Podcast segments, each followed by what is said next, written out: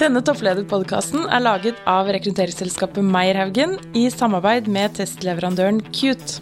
I vårt strategikart så har vi noen stjerner oppe i høyre hjørne som heter The Next Big Thing. Og Det var egentlig en arbeidstittel som jeg kom på når jeg satt og forberedte meg til å bli konsernsjef. Og det, så tenker jeg liksom, Hva skal du forandre, hva skal du beholde? Og det som har vært et kulturtrekk med Obos, eh, ledet av eh, forrige leder, som jeg tenker var viktig å ta med seg, det var den her stadig søken etter å gjøre nye ting som var litt uventa, som ingen forventa at Obos skulle gjøre.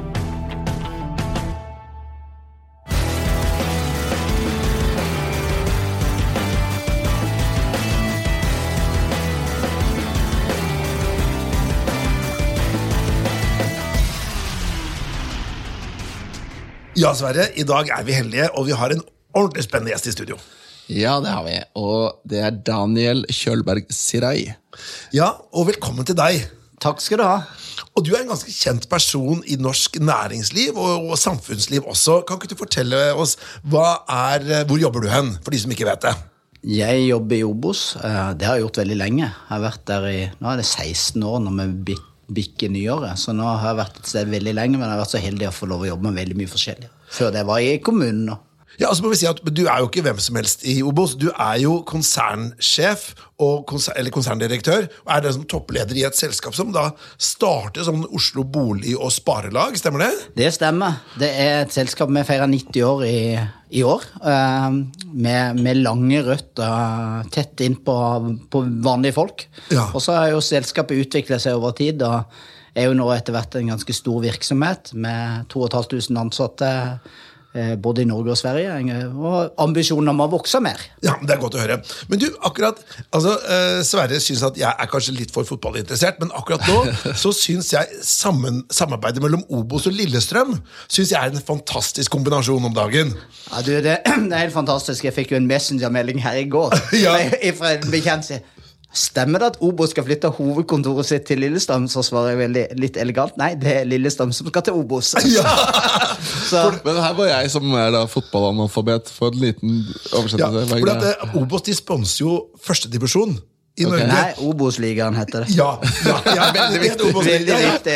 Jo, det, det, første det er divisjon. Obos-ligaen. Og så du, du har, du har tippeligaen, eller første, Ja. sånn øverste nivåen, Ja. og så er det Obos-ligaen. Så i hvert fall jeg som Vålerenga-supporter da, har jo sunget eh, sånn at, håpa at Lillesund skulle ned i Obos-ligaen. da. Ja, Og det er å rykke ned? Det er å rykke ned, og det gjorde de her om dagen. Og da hadde vi boller og brus på kontoret. ja. Ja, så det, for, det forklarer hvorfor jeg har i mine sosiale mediefeeder fått sånn her Snapchat-bilde med sånn There's a match mellom Obos og Ja, ja, ja. ja, ja, ja. Helt riktig. Da, Helt da skjønte jeg det endelig. Ja. Men du, hvordan er det å sponse Hvordan tenk, kom dere på å sponse eh, Obos-ligaen, eller sponse norsk fotball? Du, Det, han- det handla jo om at Obos skulle ut i Norge. Eh, vi hadde jo vært i et, Inntil for tolv år siden så var vi jo et Oslo- Oslo-firma, og så og hadde vi en del virksomhet i kommunene rundt. Men ettersom man vokste, så så man jo at handlingsrommet for å vokse er, begrensa. Vi hadde en ambisjon og trodde at modellen vår var rett. Det å bygge bolig, være en varig boligbygger altså, og for boligforvalter. Det var eh, en modell som kunne funke rundt om i landet også. Og så var det en del av våre kollegaer i bransjen som havna i trøbbel. og da fusjonerte vi med virksomheter både i Bergen og i Stavanger, og vi etablerte oss organisk i Trondheim, og så kom vi til Hamar og Fredrikstad og Ja, men- Tønsberg. Så plutselig så var, var Obos over, over hele Norge. Ja, og da passet det jo bra å sponse en fotballiga som er også over hele Norge. Og, er, og det at vi har kalt det Obos-ligaen, har jo gjort at veldig mange faktisk vet hva Obos er. Og Ja, nå- vi, tre, vi trekker huset vårt som er i logoen, og da, Ja, ja, ja. Og da var- var det 93 gjenkjenningsgrad på, sant? Ja, ja, ja. på varemerket, og da har du truffet relativt godt. Men Daniel, vi har lyst til å, vi har lyst til å spørre deg om hvis vi snakker liksom utenfor butikk. Ja. Altså på privaten da La oss se for oss at jeg hadde møtt deg på en fest. Og så hadde vi, hadde vi begynt å snakke om et eller annet gitt tema. Hvilket tema skulle jeg snakket om som ikke var jobbrelatert?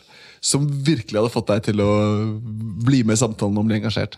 Nei, jeg tror både politikk eh, og kanskje litt mindre politikk nå enn det var før. For da var jeg, jeg har vært politisk aktiv i veldig mange år, så da var jeg jo glødende opptatt av politikk. Var du statssekretær? eh, Jeg var byrådssekretær i Ja. Oslo og hadde ansvar for byutvikling. Ja. Det var sånn eh, veien kom til Obos. Men, men det er jo fotball, og det, det jeg ofte havner i diskusjon, og det er jo på en måte vår sponsing av jentefotball. Det er vel mange som innledet diskusjonen Ja, ja. om på fest for tiden.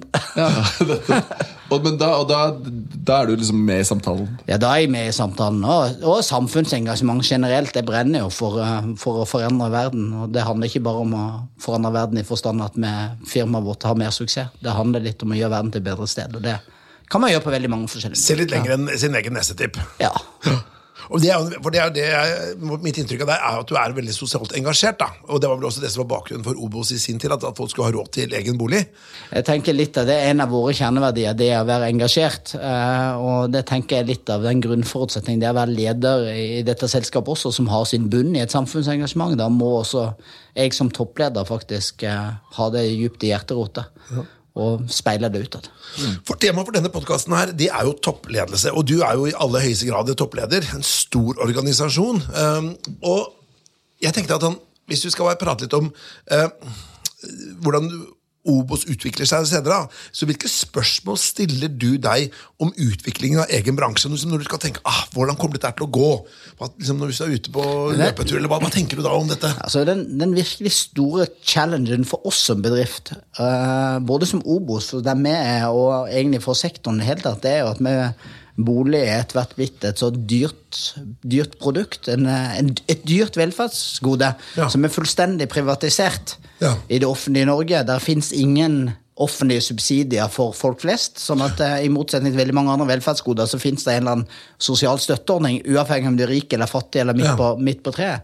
Bolig er det velferdsgodet som er fullstendig privatisert i det store og hele. Og vår jobb er jo faktisk å tilpasse oss. Når vi ser, ser i kula, kommer folk til å ha råd til å kjøpe det, det produktet vi leverer. Og Ja. når jeg ser på statistikken og ser at i 2030-40 så er 40-50% av førstegangskjøperne i Oslo har minoritetsbakgrunn, så behøver du ikke være spesielt gløgg for å skjønne at eh, de kommer med en litt mindre tjukk lommebok. De har god utdanning, kommer til å ha jobb, tror jeg. Eh, man kommer til å være full, men kommer ikke til å snakke om integrering som den største challengen. For, for mange av disse kjøperne kommer til å være det, men poenget er at de kommer ikke med en så velfylt egenkapital eh, som vi har i dag. Og en by som vokser innenfor trangt areal, da, da må vi legge huet ordentlig bløt for å prøve å løse det, samtidig som vi skal opprettholde bredden i, i det vi gjør. Vi skal ikke gå til å bli en, en, sånn, et, en versjon av et sosialkontor for kommunen, for det tror jeg ingen vil bo i. Altså Vanlige Nei. folk har jo ikke lyst til å være klienter. Nei. De vil klare seg sjøl. Så det å matche våre forretningsmodeller med, med folks behov, slik vi har gjort gjennom 90 år, litt uavhengig av de offentlige rammebetingelsene, det, det bruker jeg mye tid og krefter på. Så hvis vi skulle spurt, liksom, hvis vi skulle vinklet det sånn i retning av What's keeping you up at night, så er det mer samfunnsøkonomiske problemstillinger enn f.eks. digitalisering? Altså, Digitalisering snakker alle om. Jeg begynner å bli lei ordet. fordi at Det er et av, det var innovasjon, og så er det digitalisering, og så er det startup. og det er noen sånne buzzwords, så alt skal, du, alt skal alle store bedrifter drive med i dag. Digitalisering er bare et verktøy for å løse oppgavene våre på en bedre og mer rasjonell måte, og på en måte som kundene våre liker. Og Hvis du tar bort all glemmen rundt det, så er det egentlig ikke så vanskelig å gjøre. Eh, Det handler bare om å sette oss ned, identifisere flinke folk og de ressursene du trenger, og problemstillingen du skal løse, og så er det meste fiksbart. Ja. For, for bolig, selv boligen er jo, selv om du har smarthus og alt dette, så er jo bolig egentlig ganske analogt. Det er, altså, det er, jo, det er jo vegger og tak og hus. Det er veldig sånn fysiske Vi kommer, ennå det, vi kommer ikke til å live in the Matrix i 2040. Vi plugger Nei, ikke plugge, sant? oss inn i en tank på Fornebu, og så, Nei, så bor vi der. Det kommer ikke til å skje. Så, så men, men det som er interessant i dette med, med det sosiale her, da, det er jo at Oslo eh, er vel en av de hovedstadene i verden som har høyest andel at folk eier boligen sin selv. Ja. Uh, og det må jeg si at hvis du, når jeg, jeg kjenner jo folk som i London, og jeg sier at jeg eier et hus i Oslo. Uh, altså øh, bor på, på, på Løren, da, i nærheten der. Så må jeg tenke at det er jo liksom for noen Det er jo helt utenkelig, da. At du eier boligen det er, sin en, det er jo virkelig en av de kvalitetene i det norske samfunnet at man faktisk eier sin egen bolig. Det fører til større sosial stabilitet. Ja. Det fører nok til en viss grad til litt større sosial ulikhet også, men eh, ikke i den format at de som har minst, får mindre. Det handler egentlig bare om at, at den stabiliteten, det å eie sin egen bolig, det er du som bestemmer når du skal flytte. Ikke sant? Har du lønn inn på kontoen hver måned, så ingen skal flytte på deg. Nei. Så lenge du betaler regninga di. Det er ingen husvert som tvinger på deg noen ting som helst. Nei, og den store boligprisen som har vært nå de siste 30 Ja, ja, årene, de har kommet de aller fleste til gode. da. Det har ikke Ja. vært store banker eller forsikringsselskaper eller eiendomsutviklere eller eh, Obos for den saks skyld. Veldig bra. Min forrige sjef pleide å si at det er få organisasjoner i Norge som har gjort flere vanlige nordmenn til millionærer enn Obos. Ja, ikke sant? Men Jeg må bare spørre likevel, fordi 16 år i Obos. Eh, og så snakker du om liksom, digitalisering, kaster du med et skuldertrekk fra og det er ikke liksom, Men har det ikke vært noen endringer? Har det ikke vært Jo noe da, vi har gjort masse endringer. Både før min tid og etter min tid. Det handler om, om, om eh, I vårt strategikart så har vi noen, en sånn stjerne oppe i høyre hjørne som heter The Next Big Thing. Ja. Og det var egentlig en arbeidstittel som jeg kom på når jeg satt og forberedte meg til å bli konsernsjef. Ja. Og det, så tenker jeg liksom, Hva skal du forandre, hva skal du beholde? Og det som har vært et kulturtrekk med Obos, eh, leder eh, forrige leder, som jeg tenker var viktig å ta med seg, det var den stadig søken etter å gjøre nye ting Ja. som var litt uventa, som ingen forventa at Obos skulle gjøre. Ja. for man plasserte gjerne Obos i et sånt boligbyggelag, stor, tung, tradisjonell mastodont. De løser sitt nede i et hjørne og gjør det du alltid har gjort, litt bedre. Mens det har egentlig aldri vært sånn. Vi har alltid tatt sånne kvantesprang og tørt å gjøre ting og bryte monopoler og det utfordre det- bestående. Og så har vårt, vår jobb vært å skru det til når, med den ledergruppa jeg har, det teamet jeg har, til å lage en strategi som gjør det anno 2015 til der vi er i dag. Og vi har oppnådd ganske mye med å liksom bare gjøre ganske små grep, men som gir ganske stor effekt. Er det derfor dere har kjøpt eksempel fiber, fiberselskap? For eksempel. Fordi at vi så at eh, vi syns at de som drev med dette, eh, tok ut altfor høye priser eh, i forhold til bredbånd. Og det de å litt konkurranse Vi så jo at det var mulighet til å senke prisene betydelig. Ja. Konkurranse skjerper. Ja.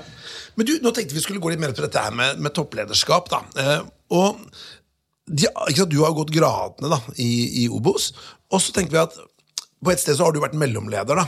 Hva vil du si liksom for deg personlig, da, hva var den største overgangen fra mellomlederskap til topplederskap?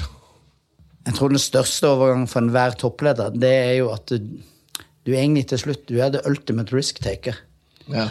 Alle, alle beslutninger som blir for vanskelige for alle andre, de er, det, de er det du som må ta. Enten når det gjelder business eller det gjelder folk. Så havner, Hvis ingen klarer å løse det under, så kommer de og peker på deg og sier Ja. at du, Danne, hva mener du? Ja. Eh, og da må du faktisk være i stand til å ta, ta de beslutningene. De beslutningene må du kanskje ta alene noen ganger, for det er, ikke, det er så mange motstridende hensyn. Hvordan står du i det som personlig? Jeg tror som person så er jeg ganske trygg, så jeg, jeg er ganske beslutningssterk. Så jeg, jeg, tør, jeg tror jeg ikke er kjent for å nøle med å ta beslutninger, heller det motsatte.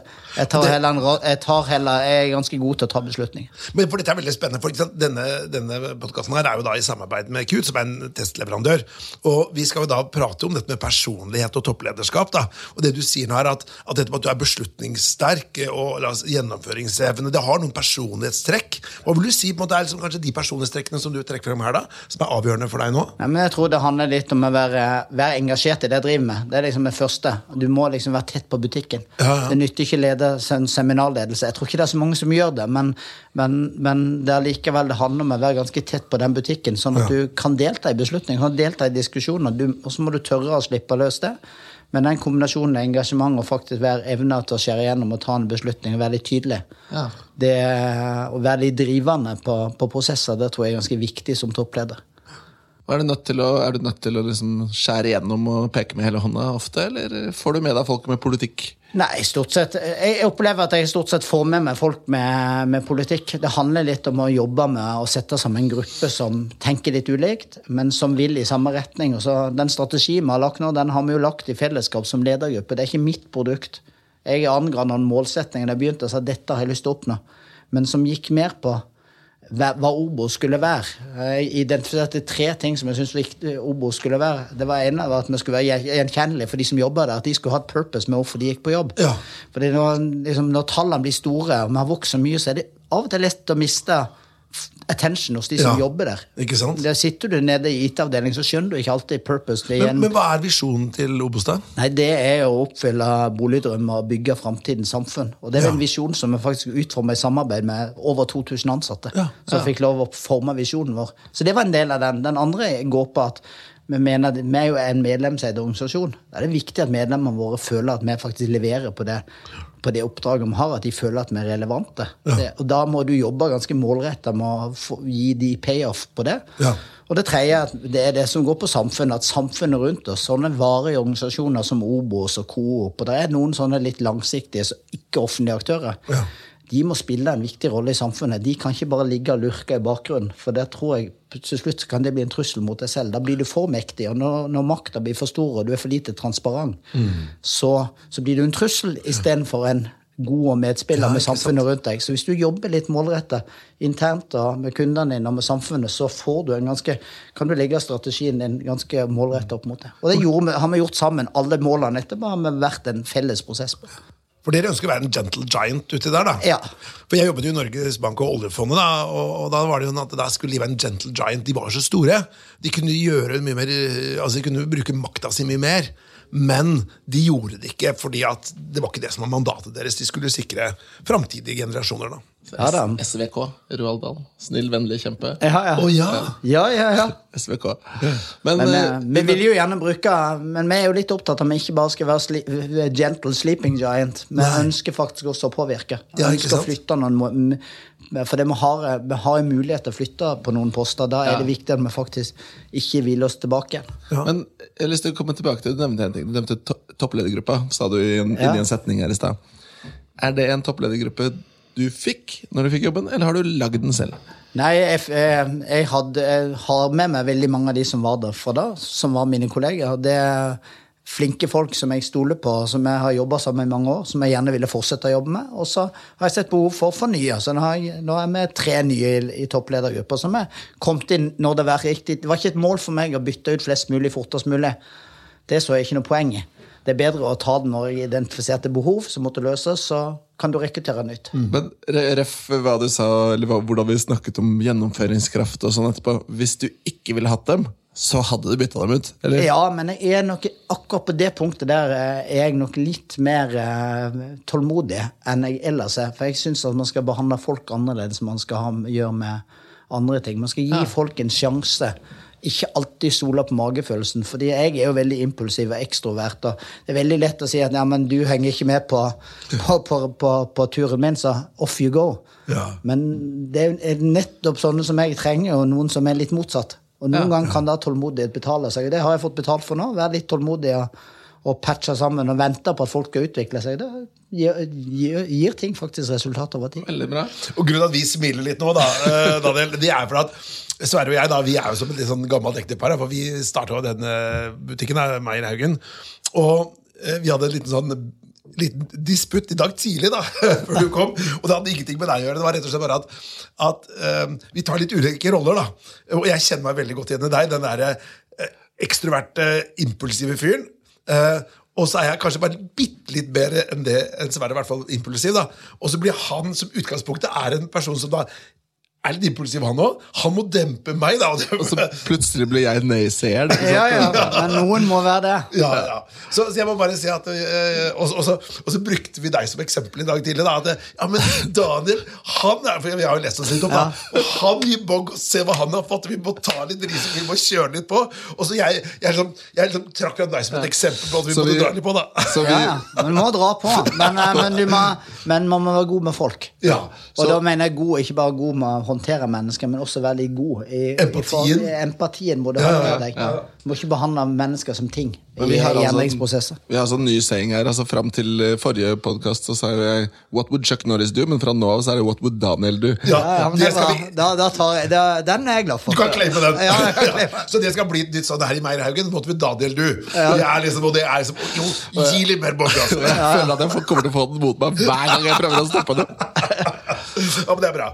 Men du, eh, du, du eh, dette med rekruttering, da. Eh, Hvis du tenker at når du skal ut og finne noen folk til egen organisasjon, om det er ledere eller medarbeidere, hva må de ha for å liksom ha liksom Obos-ånd eller Obos-DNA? Hva er det liksom du ser etter hos folk du skal samarbeide med? Jeg ser først og fremst etter engasjementet. Altså litt, og Du må ha det der samfunnsgenetikken i deg. Ja. For du må begynne med så ofte Alle kan være kommersielle. Du kan finne mange som er kommersielle i huet, men de som klarer å balansere kommers med, med samfunnsansvar, de, har ofte, de som har det, de har ofte en del andre egenskaper også. Ja. I forhold til det med å være, eh, være opptatt av folk. Eh, eh, og trekke på, re- trekke på ressurser. De har ofte litt ambisjoner. De er Ja. engasjerte. Så da løser du litt av det også. Litt den der driven som man må ha. Og så kan man godt ha litt ulik format. Noen er stille, noen er veldig strukturerte, noen er litt uorganiserte og kreative. Men det er det på. Så jeg begynner ofte med det.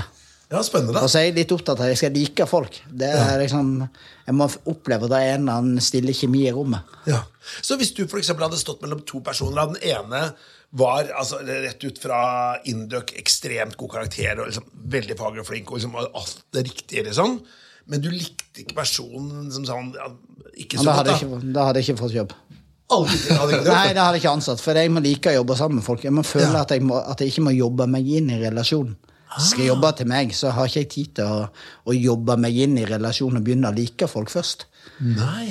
det, det er en litt sånn dårlig start. Nei, nå skal jeg bruke en måned på å like deg, og så kan du jobbe. Du er veldig flink. Så jeg er litt skeptisk, men nå skal Ja. vi først Fordi da er sjansen mye større for at du feiler. Ja. Er min Men la oss utfordre litt, Daniel. For, for jeg kan jo være tilbøyelig til å være enig med deg i det. Men la oss si at da, da er det jo da kan det jo tenkes at du bruker deg selv og dine preferanser som en mal. da.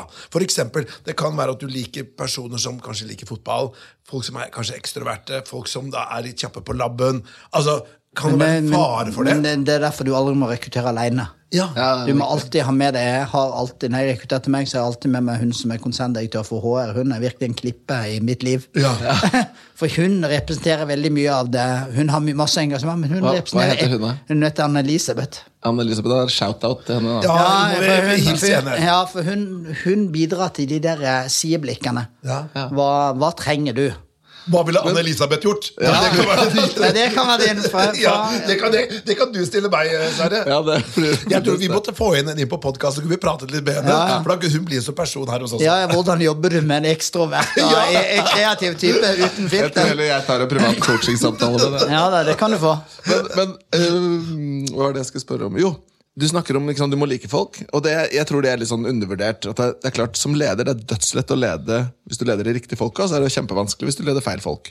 Men hvis jeg skal utfordre deg litt på å reflektere over, da. Hva er det du, eller når er det du liker folk? Når er det du misliker folk? Klarer du å sette ord på hva, hva som trengs? Det er de som har, bare ser problemer, det, det har jeg litt vondt for å forholde meg til over tid. Ja, De som, det kjenner som, igjen i. de, de som bare ser problemer, og som egentlig ikke identifiserer løsninger.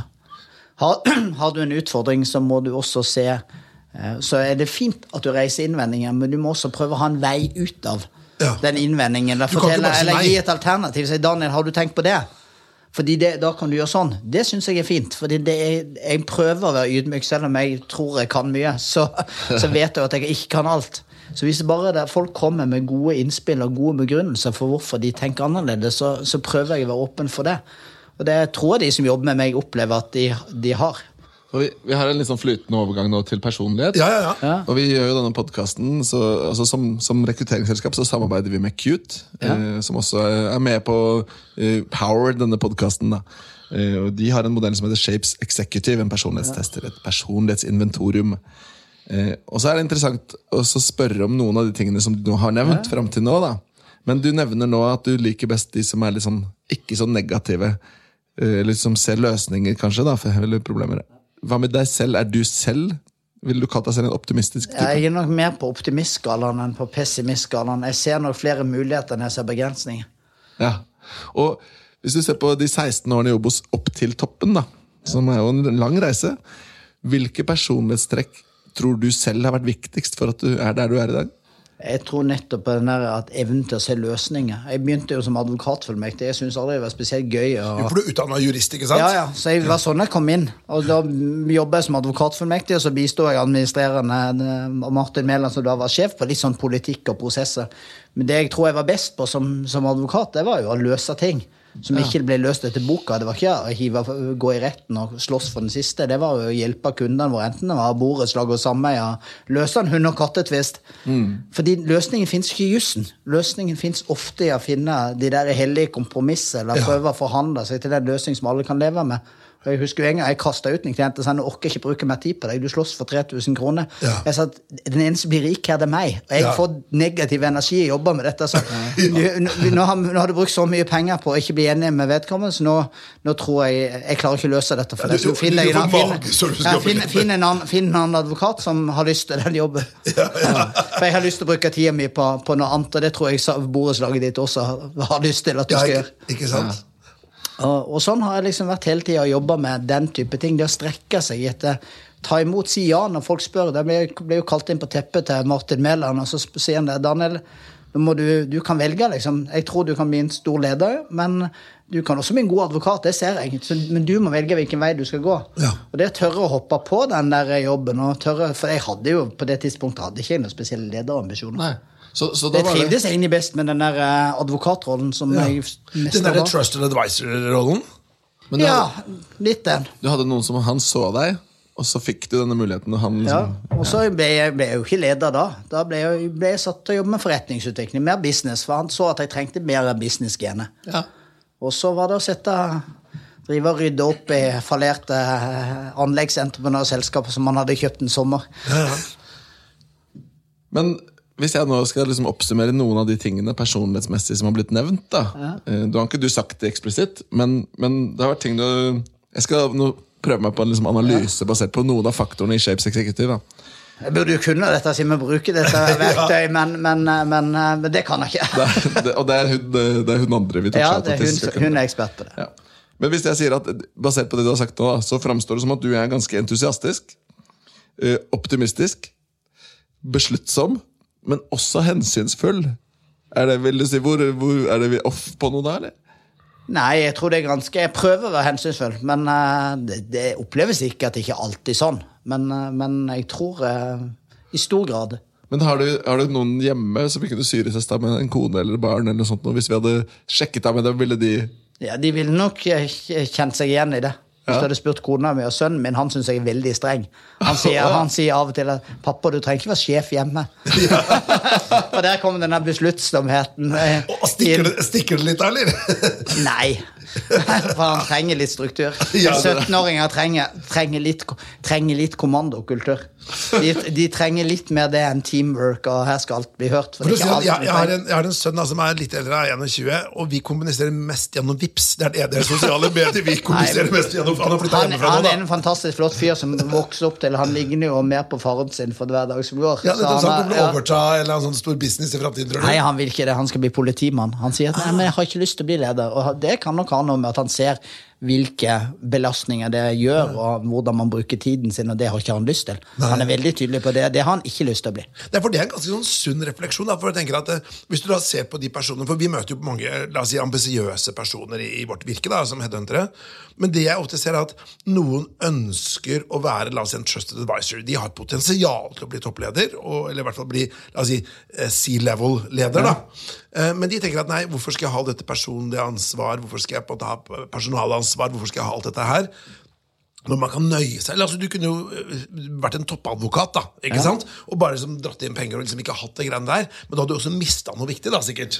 Jo, så det, det, det du mister, det er liksom der jeg har mulighet til å flytte noen milepæler. For når du leder en så stor organisasjon med så stor verktøykasse som Obo, så har du mulighet til å sette en retning. I hvert fall meg som er som samfunnsengasjert og jobber innenfor rammer som, som Obos, så har jeg jo faktisk en mulighet til å påvirke og endre verden. Jeg sier det at Når noen spør om jeg vil tilbake til politikken, så sier jeg nei, for jeg får gjort mer på en uke i Obos enn jeg får gjort på, på et år i politikken, tror jeg. Ja. For jeg tipper du har blitt spurt om å være med i regjeringen eh, som statssekretær eller som, eh, eller som minister. Nei, det har jeg ikke gjort, og heldigvis. Heldigvis. Slipper Ja. å tenke på det, i hvert fall. Ja. Men um, når det gjelder ledelse, da. tror du, som, topp, som den rollen du har, toppleder i dag, kunne du gått inn og vært toppleder for en, et annet selskap i en annen bransje? Det er et interessant spørsmål. Ehm, jeg vet, jeg tror egentlig ikke det. Vet, men, men jeg tror i hvert fall for å lede Obos, for å ta utgangspunkt i en bedrift jeg kjenner, så må du kunne faget ditt. Den som skal ta min jobb, må faktisk kunne butikken og kjenne den. For jeg ser det gang på gang. Så må man inn i diskusjoner for å få ting, for å etablere relasjoner, for å få dealen til å gå. Eh, Så hender det av og til du som toppleder er når du skal på styrerom og folk er i tvil. Eh, Hvis jeg hadde bare sagt nei, men det for de der, og så kom det inn en som kanskje ikke har forberedt seg så godt. Det er riktig, alt er rett. Men da skjer ting på veien som gjør at man kanskje ikke har forberedt saken i tide, og jeg vet at det er rett. Da kan jeg legge min faglige tyngde bak, og styret vil vite at ja, men Daniel kan dette. Så da kan jeg, kan jeg være den ultimate risk taker, og de vet at den risk takeren, han kan faktisk dette steingodt. Så, sånn at da kan de stole på det. Men hvis det, det hadde vært en Jeg har bare vært en administrativ sjef, så hadde det fort blitt litt sånn De som kan det, har vært litt lite overbevisende. Og han på sjefen han bare sier det for å liksom sørge for at de distanserer seg litt fra beslutningen. Men- Senest i styremøtet på tirsdag hadde vi en sånn situasjon der jeg sendte ut en, en sak kvelden før. Der han, gjengen min hadde kommet tilbake, og jeg måtte be om en økt investeringsramme på et prosjekt. Og det er klart at Når jeg sender det ut kvelden før til styret, og har lest og har skrevet på saken, så er det klart at den, det får en helt annen troverdighet for styret til å ta en rask beslutning når de, når de vet av dette. Så det tror jeg faktisk at uh, i store, komplekse virksomheter så må du skjønne det under deg en verdiskapende butikken. Du kan ikke bare lede folk og si at sette på plass strukturer. Men, men hvis man tenker at øh, følger den logikken, da, og det, den er jo lett å følge i mange situasjoner, men la oss si at da kan det jo bli at eller på, på den siden så kan man si at Det er jo mye ved ledelse. da, som både det økonomiske, er investeringer, kan være IT. Det er en del fellestrekk da, med store bedrifter. Det er den ene perspektivet. Og det andre perspektivet er at la oss si at hvis du ikke skulle jobbe i Obos lenger, da, så vil det da være ganske stor begrensning på hva du kan gjøre. Da måtte du fulgt din egen bransje. Da, da kunne ikke du begynt å jobbe i et IT-selskap eller, et, eller liksom gått inn i politikken. Eller liksom, det er mange ting du da begrenser deg fra. da. Ja, og Det er godt mulig. Det er derfor jeg sier at jeg, jeg har ikke svaret. Men jeg tror det er noen organisasjoner Jeg jeg kjenner i hvert fall min egen organisasjon så godt, og så finnes det kanskje andre typer organisasjoner der man kan spille mer på de generelle ledelsestrekkene, og, og, og der det er større overføringsverdi av, av mer generelle ledertrekk, forståelse for teknologi og trender. og Eh, Det, det å lede mennesker blir enda viktigere. Skal du jobbe med Som jo jeg kanskje drømmer om å gjøre en gang når jeg er ferdig i Obos, det er kanskje lede noen sånn type non-profit eller andre ting. Så, eh, så kan du bruke litt de mer generelle. Ja, for det, var et av de, det er litt morsomt, for det er et av de spørsmålene vi har stille alle topplederne våre, er jo at hvis du da skulle gjøre noe annet Yes. Hvis du skulle, eller fikk mulighet til å lede en non-profit og kunne velge fra øverste hylle, da. Har du tenkt over da hvilke du skulle valgt? Nei, eh, når jeg var liten, så, så, så drømte jeg om å lede WWF og jobbe med, med naturvern og den, den type ting. Jeg var så opptatt av dyr. Nå har jeg liksom kanskje mer flytta meg inn i den menneskeskalaen. Vi jobber mye med SOS Barneby og den, den, den, type, den type organisasjon. Og WWF, det er, det, det er snakk om Det- miljøvern, ikke ja. det World Wrestling eh, Nei, nei, ikke World Wrestling. For det kunne vært så Eller kanskje idrett, sant vel? for det er som jeg er brennende engasjert i. Den, den, type, den type ting som gjør at du kan levere tilbake. Jeg ikke, det behøver ikke være godt betalt, for det jeg tenker at når jeg skal gi meg, så har jeg sikkert tjent de pengene jeg trenger. Så at da kan man jobbe og heller bruke engasjementet sitt på å flytte noen poster på noen andre punkter. Ja. For det er der hjertet ditt er. Det er måte, sånn som du sier, først dyr, og så er det dette SOS Barnebyer, som er på en måte veldig sånn, viktige organisasjoner da, for å ivareta barns eh, rettigheter og oppvekstvilkår. Og, det er jo en nobel tanke, da. Ja, det, det er i hvert fall det som engasjerer. tenker jeg. Hvor nobelt det er for andre, for, for, for jo andre vurdere. For jeg, for jeg tenker at det, det går litt på hva, hva du selv opplever at det er behov for å, for å flytte. Jeg er jo fotballtrener for noen sånne småtasser. Jeg ser jo at det, når jeg er som best, så er det når jeg har tid og overskudd til å være nærværende som, som leder for disse ungene. Hvis jeg er trøtt og sliten, da, da blir det litt sånn bjeffing når ting ikke går som det skal. Men når du har tida til å jobbe ordentlig med disse ungene Jeg var på feltet i går, da var, det var en god dag. Da er det alltid noen sånne tøysekopper. Men det de trenger, er jo at du har tid til å ta slå armen rundt skuldra på dem og si du, dette kan du bedre. Eller så kan du være litt sånn kjapp i replikken sin. Og så kan du slå noen spøker. For det, da blir stemmene helt annerledes. Hvor stor er forskjellen på å lede dem versus toppledergruppa di? Nei, den er, ganske, den er ganske stor. De er nå i hvert fall ganske konsentrerte. Disse topplederne dine. Men, men, men sånne elleve år gamle gutter, det er ikke alle som kommer riktig. Ikke har de spist, og ikke har de så lyst til å springe. Og, og ikke har de alltid fokuset på riktig sted. Når de har sagt ting for sjuende gang eh, at Kan du ikke stå stille? Du får helt sånn der, jeg får helt fnatt liksom, ungene står og dirrer Ja, du skal prøve å si noe til det. Men, men det er, det er allikevel givende, for du vet at det betyr noe. Hvis ikke voksne er til stede Jeg blir så irritert, for nå sendte jeg ut en sånn Facebook-post, og det var bare sånn der, ingen responderer, vi trenger flere. Og så er det ingen respons. Ja. Så tenker jeg bare, ja, jeg har jo ikke, noe, jeg har, jeg har ikke akkurat godt med tid. Nei. Men, liksom, men så tenker jeg at da er det min jobb å stille opp. Selv om jeg ikke har tid. For hvis du tenker return on investment, da, som er et bedriftsøkonomisk uttrykk, Ja. som penger, men her er investeringen din i deres framtid.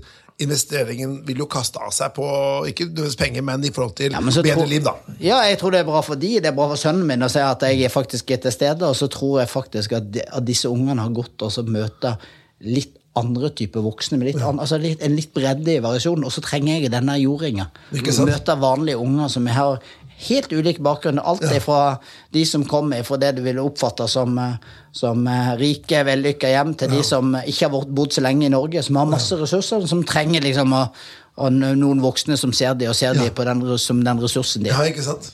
Du, ehm, jeg har et eh, siste spørsmål som jeg har lyst til å stille. Fordi det, Jeg beit meg merke en ting du sa i stad som jeg synes var litt sånn eh, fascinerende begrep. The next big thing. Hva er i Daniel Kjølberg Sirais liv the next big thing? Åh, nei, du, det har jeg ikke tenkt å si her. For, å si, det sånn. jeg Så det er noe, men du vil ikke si si vi, noe? jobber, vi jobber alltid med alltid masse ideer på tegnebrettet i, i, i vår og i mitt hode. Ja, så Som- da, du tenker jobb, du. Jeg tenkte livet. I livet? Nei, men jeg har de, Jeg har et ganske rolig og velbalansert liv.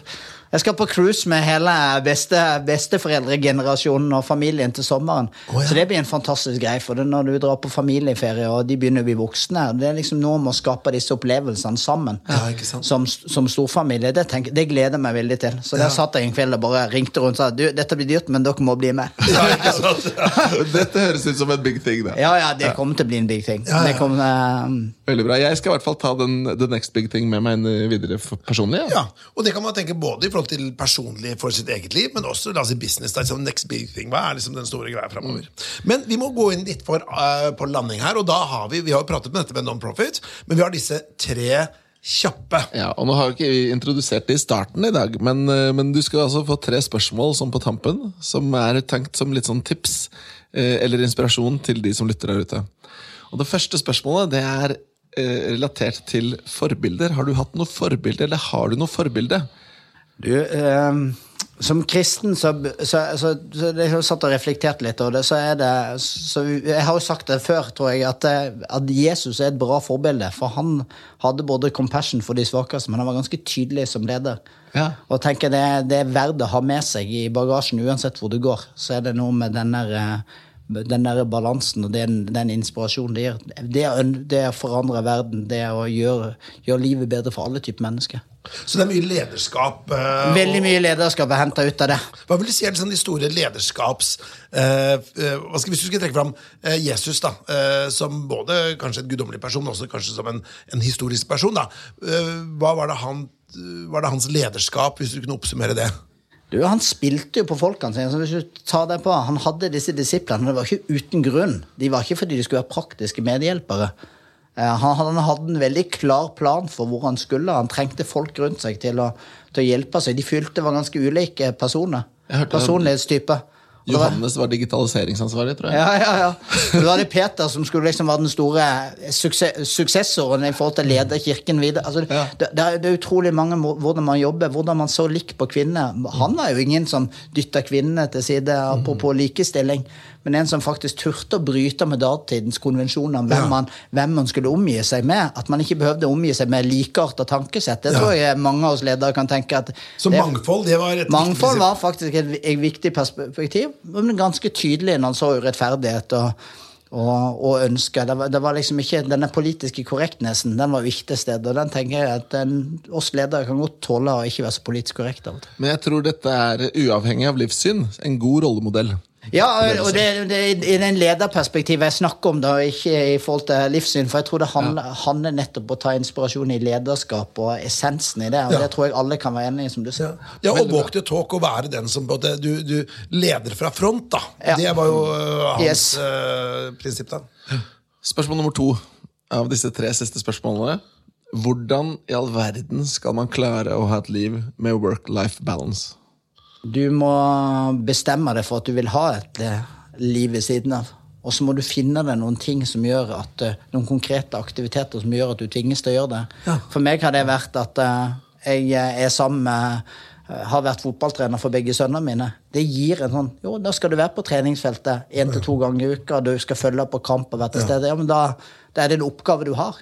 Et verv du har, akkurat som et styreverv i hvilken som helst annen Ja, ja. setting. Det handler litt om Jeg går rundt og trener med sønnen med den eldste 17-åringen, og går han og pumper jern og jeg løper. Ja. Så har vi funnet de tingene, og meg og kona har en sånn derre Vi drikker alltid kaffe sammen om kvelden før vi legger oss. Ja. Det er ikke alltid vi prater så mye. Noen ganger prater vi mye, andre ganger prater vi lite. Men, men det at før vi skal legge oss, er det alltid en kopp kaffe og et knekkebrød eller et Ja. eller annet. Og ikke koffeinfri kaffe heller. Nei, så det kan bli ganske seint. For det, vi jobber jo masse begge to. Men, eh, men den der å sette seg ned foran med kjøkkenbordet før, før vi stuper i Og, og, sengen og runde av dagen. veldig hyggelig ut. Ja, ja, det er veldig, det er veldig hyggelig, men det er sånne type ting. Der har, vi, der har både jeg og Petter et kjempeproblem, fordi Petter drikker ikke kaffe, og det gjør ikke kona mi heller. Nei, men du kan drikke te. Det viktige, det, viktige, det viktige er jo egentlig at du får tid. Og så har vi blitt flinkere over tid til å prioritere hverandre og sette etter som ungene blir større, så er vi flinkere til å finne på For det er liksom, for meg er det helt essensielt. da. Hun de gjør fantastisk mye for meg. Du må si at Hvis ikke menn skryter av ektefellen sin i denne podkasten, så burde jeg spørre dem. Ja. Om det ikke er noen andre som står bak suksessen, for jeg hadde jo aldri kunnet lykkes hvis ikke hun hadde stått bak og Nei, supportert og tatt alle de Da jeg drar opp eh, tidlig og tar flyet, og hun må ta ungene om morgenstell og få de av gårde. Jeg tror- det er jeg ikke tror- bare bare. Ja. Jeg støtter den, og jeg har lyst til å gi et shout-out til kona mi der òg. Ja. Sånn. Og det må jeg også til kona mi også. Ida. Shout-out til deg. Så har vi da et uh, tredje spørsmål på tampen. Og nå, vi, nå åpner vi paletten. Uh, hvis du skal gi et tips til andre ledere, eller et ledertips, ditt beste ledertips. Mitt beste ledertips det er jo liksom alltid, tror jeg må være, at man alltid må drives av å skape endring. Man må aldri bli fornøyd med det bestående. Nei. For da, da sløvner man. og Det betyr jo at man må ta til seg kunnskap. Man må se på hvilke mulighetsrom som fins foran seg, både på folk, og organisasjon og business og alt. Men aldri lene seg bakover og være fornøyd. Hvis du er fornøyd, da, da bør du slutte å være leder. Det er som haien, vet du. Den, den, den dør hvis den, eh, hvis den stopper. Det må alltid være i bevegelse, da. Ja. Men, eh, altså, men dette med, med forandring, da. Ikke sant? Du har store endringer og små endringer. Ja, ikke sant? Så du har dette med et begrep som sånn kontinuerlig forbedring, eller lean-tankegang. At det er alltid de, det er liksom de små justeringene. Sånn som liksom, før, før denne podkasten i dag, da, så satt jeg og sa liksom, jo, kan, vi, kan, kan vi justere noe, liksom, noe litt på spørsmål, så får du enda spissere, enda teitere? Eller så kan det være de store tingene, og innføre noen helt nye, et eller annet svære ting. Men hvordan hvor er ditt forhold til det? Var det de små endringene og de versus de store endringene? Nei, men Jeg tror man må skru på begge deler. Jeg tror man må strekke litt høye ambisjoner. Det er jo det vi har gjort i Obos i, i min tid og før det. Men, men spesielt i, de, de største endringene som skjedde hos nå, er egentlig de kanskje litt mindre. De der med at du slipper de folk litt fri, litt mer fullmakter ut. Eh, de prøver å skape litt større takhøyde for, for diskusjon. Eh, det er egentlig ganske lite endring, men i seg selv. Men det skaper ganske store ringvirkninger. Så må du av og til dra det inn. Og så kan du gjøre de der signaturene. Obos har gjort noen større oppkjøp så definerer det. Et selskap, eller finner du på et nytt forretningskonsept. Eller, Eller sånn. Så, så begynne å bygge på Ulven, eksempel. ja, eller ja, for eksempel å tørre å ta den og se hvordan det blir, eller når vi nå skal vinne kampen om NRK. Så det er en sånn stor ting. Da blir det veldig tydelig og markant for alle. Men fortell om det å vinne kampen med NRK. Fortell om hva er det for noe. Nei, vi vil jo gjerne kjøpe denne tomta og bygge boliger på, på gamle På Majorstua, ja. på Majorstua. Ja. Men, men det er bare en ting, og det går over. Eh, denne type ting. Og så forsvinner det bare i historikken vår. Men det er, så jeg tror liksom på denne kombinen av litt store, modige grep og, og disse små forbedringene. Hvis du klarer den fine balansen der, så blir det en bra organisasjon. Veldig, veldig bra. Ja, jeg synes Det var en utrolig glede og ære å ha deg her i studio. Det var veldig hyggelig å bli invitert.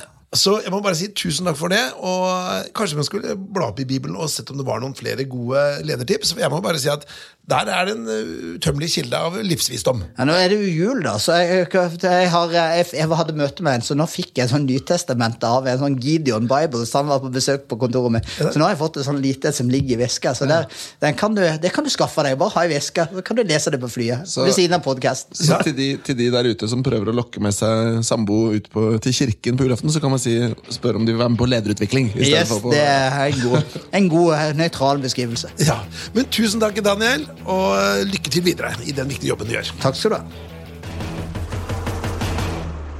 Har du innspill eller kommentarer til denne podkasten, kan du sende en e-post til toppleder at meierhaugen.no.